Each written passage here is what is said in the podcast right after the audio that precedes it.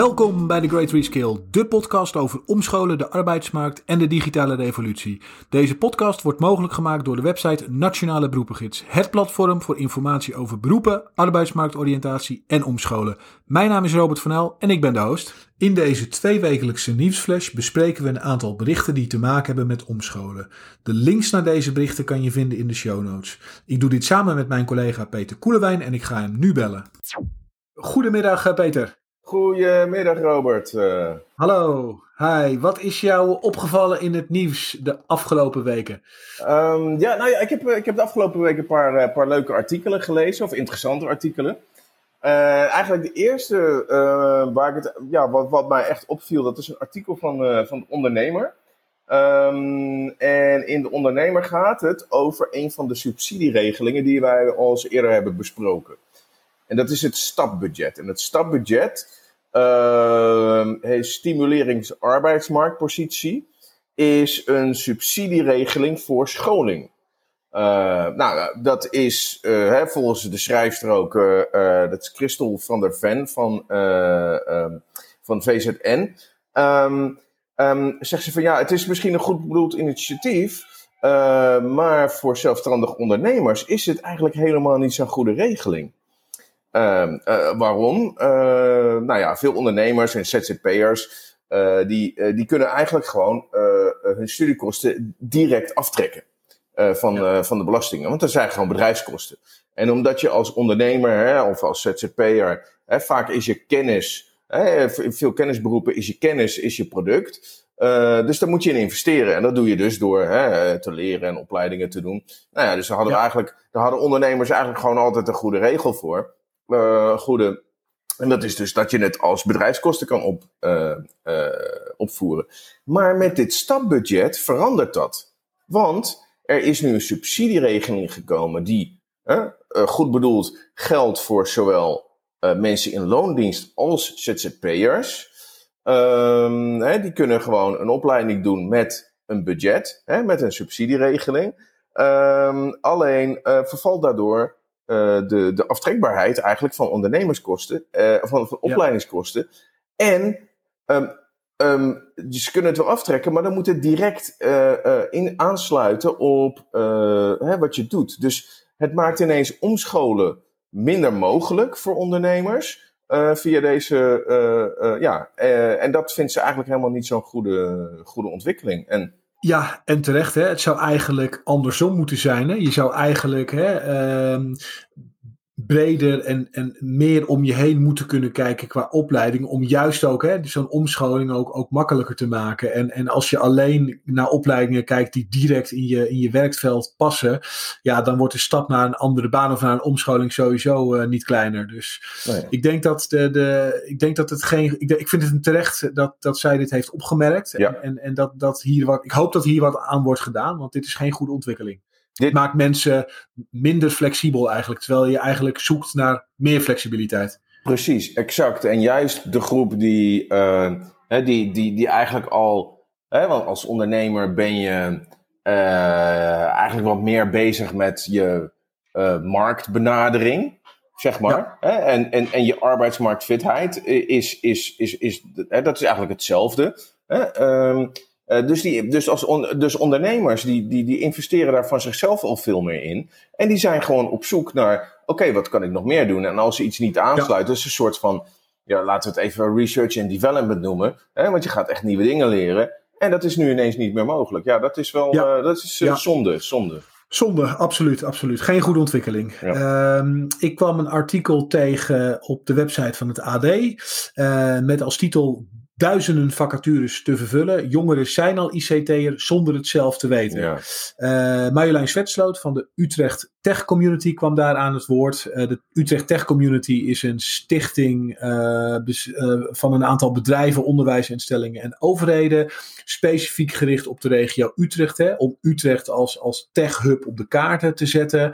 Hè, en en, en alle, alle issues die spelen proberen, proberen op te lossen. Een van de grote issues is natuurlijk hè, het tekort aan mensen. Hè, dat, dat speelt overal in Nederland, dus ook in Utrecht.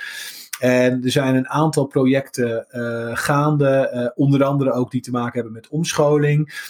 En ze hebben een speciale focus op een aantal doelgroepen, hè, om die ook de ICT in proberen te trekken. En dat zijn dus vrouwen mensen met een cultureel diverse achtergrond en mensen die in krimberoepen werkzaam zijn. Hè? Dus om ervoor te zorgen dat mensen met die specifieke achtergrond makkelijker uh, in de ICT kunnen, kunnen starten. Dus um, ja, dat is eigenlijk een strekking van het, van het verhaal. En uh, uitstekend initiatieven zien steeds vaker van dit soort, dit soort initiatieven, ook vaak met een regionale focus. Ja. Dus dat uh, Utrecht is natuurlijk ook een, een, een plek waar veel ICT-bedrijven zitten. Hè. Denk aan Vodafone, Bol.com, Capgemini en zo kan ik er nog wel een paar noemen. -hmm. Dus uitstekend initiatief en laten we hopen dat het ze lukt om, uh, om Utrecht als tech community meer en beter op de kaart te zetten. Ja, ja, ja. klinkt goed, klinkt goed inderdaad. Ja, ja. Ik, uh, ik kwam nog uh, in het AD kwam ik nog een, een, een leuk artikel tegen. Uh, gaat over een van de beroepen die tegenwoordig heel erg in, in de belangstelling is. En het beroep ethisch hacker. nou, wat is een ethisch hacker? Een ethisch hacker is dus iemand die zich met hè, digitale hè, cybersecurity bezighoudt. Ja. maar het bekijkt vanuit, oké, okay, ik ga kijken of dit, dit, dit uh, netwerk of iets dergelijks, of dit veilig is. Dus die probeert eigenlijk hè, te hacken uh, om te kijken of er, uh, ja, waar, waar, de, waar, waar, de, waar de kwetsbaarheden liggen. Ja. En ja, dit is toch wel een, een, een, een, een beroep wat, ehm, waar, heel, waar steeds veel meer vraag naar is. Hè? Er, was, er zijn best wel wat, onlangs volgens mij gisteren zelfs nog, is, uh, weet het, de mediamarkt is, uh, schijnt gehackt te zijn.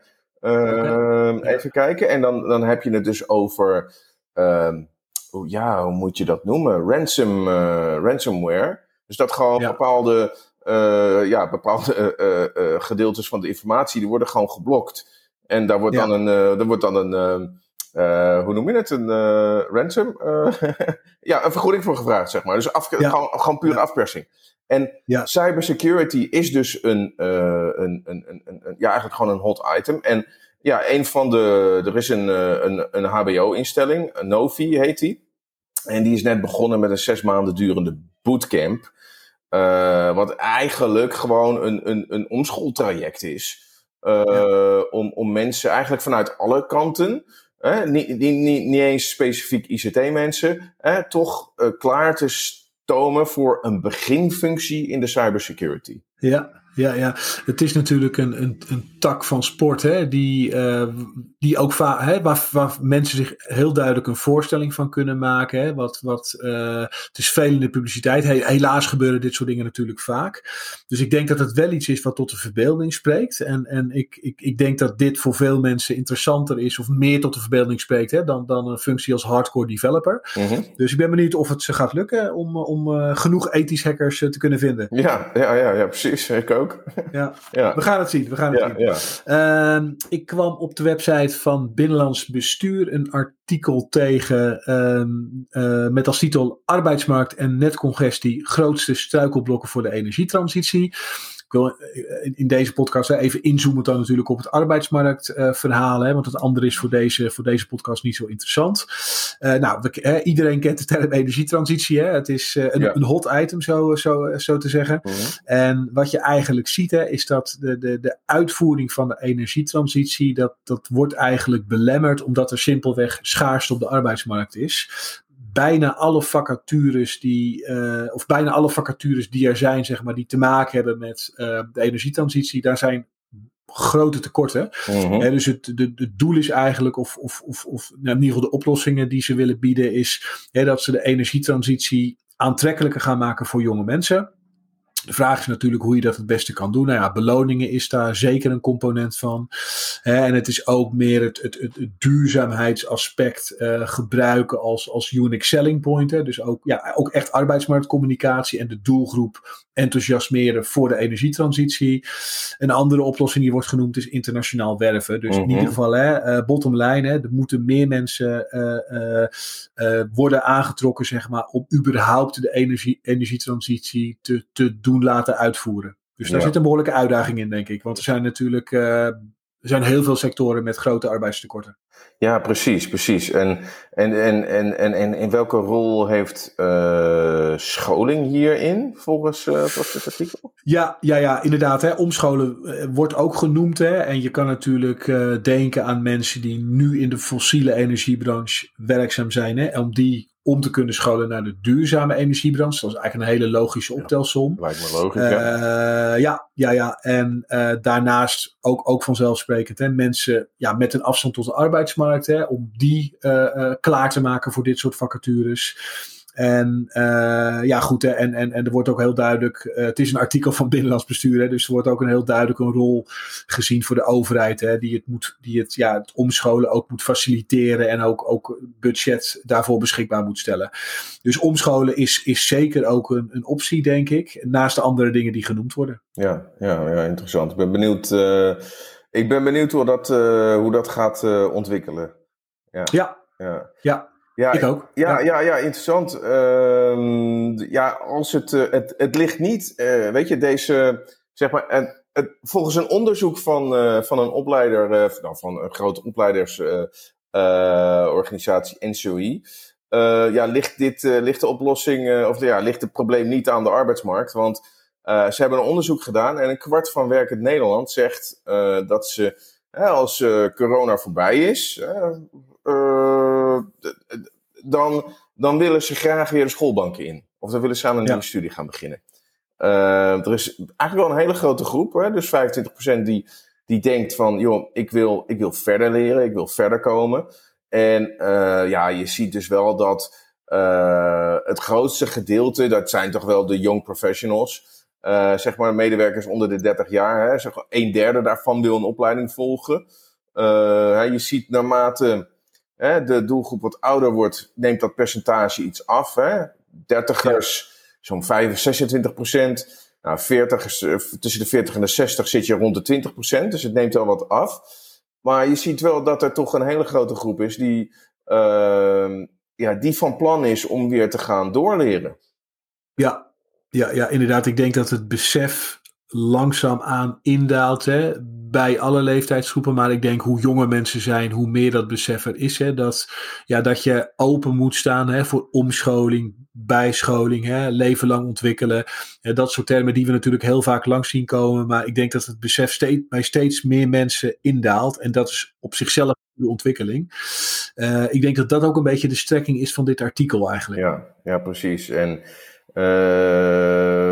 ja, je, je ziet echt dat, dat, dat mensen zich er bewuster van zijn geworden dat uh, ja, ontwikkeling, door ontwikkeling is gewoon een, een, een constante geworden. Ja. Ja. Um, en ja, uh, een van de dingen die, die, die dit ook bijvoorbeeld moet gaan faciliteren, is een, een leven lang leren krediet.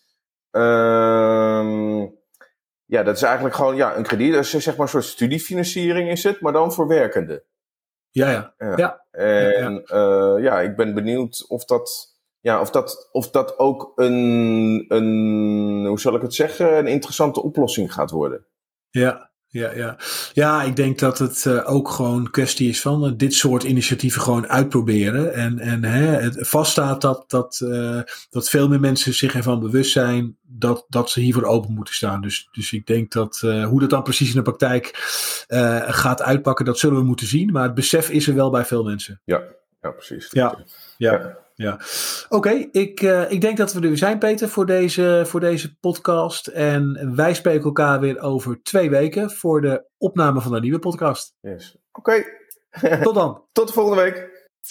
Dank voor het luisteren. Wil je ook onze andere afleveringen beluisteren? Ga dan naar nationaleberoepengids.nl slash podcast. Tot de volgende aflevering.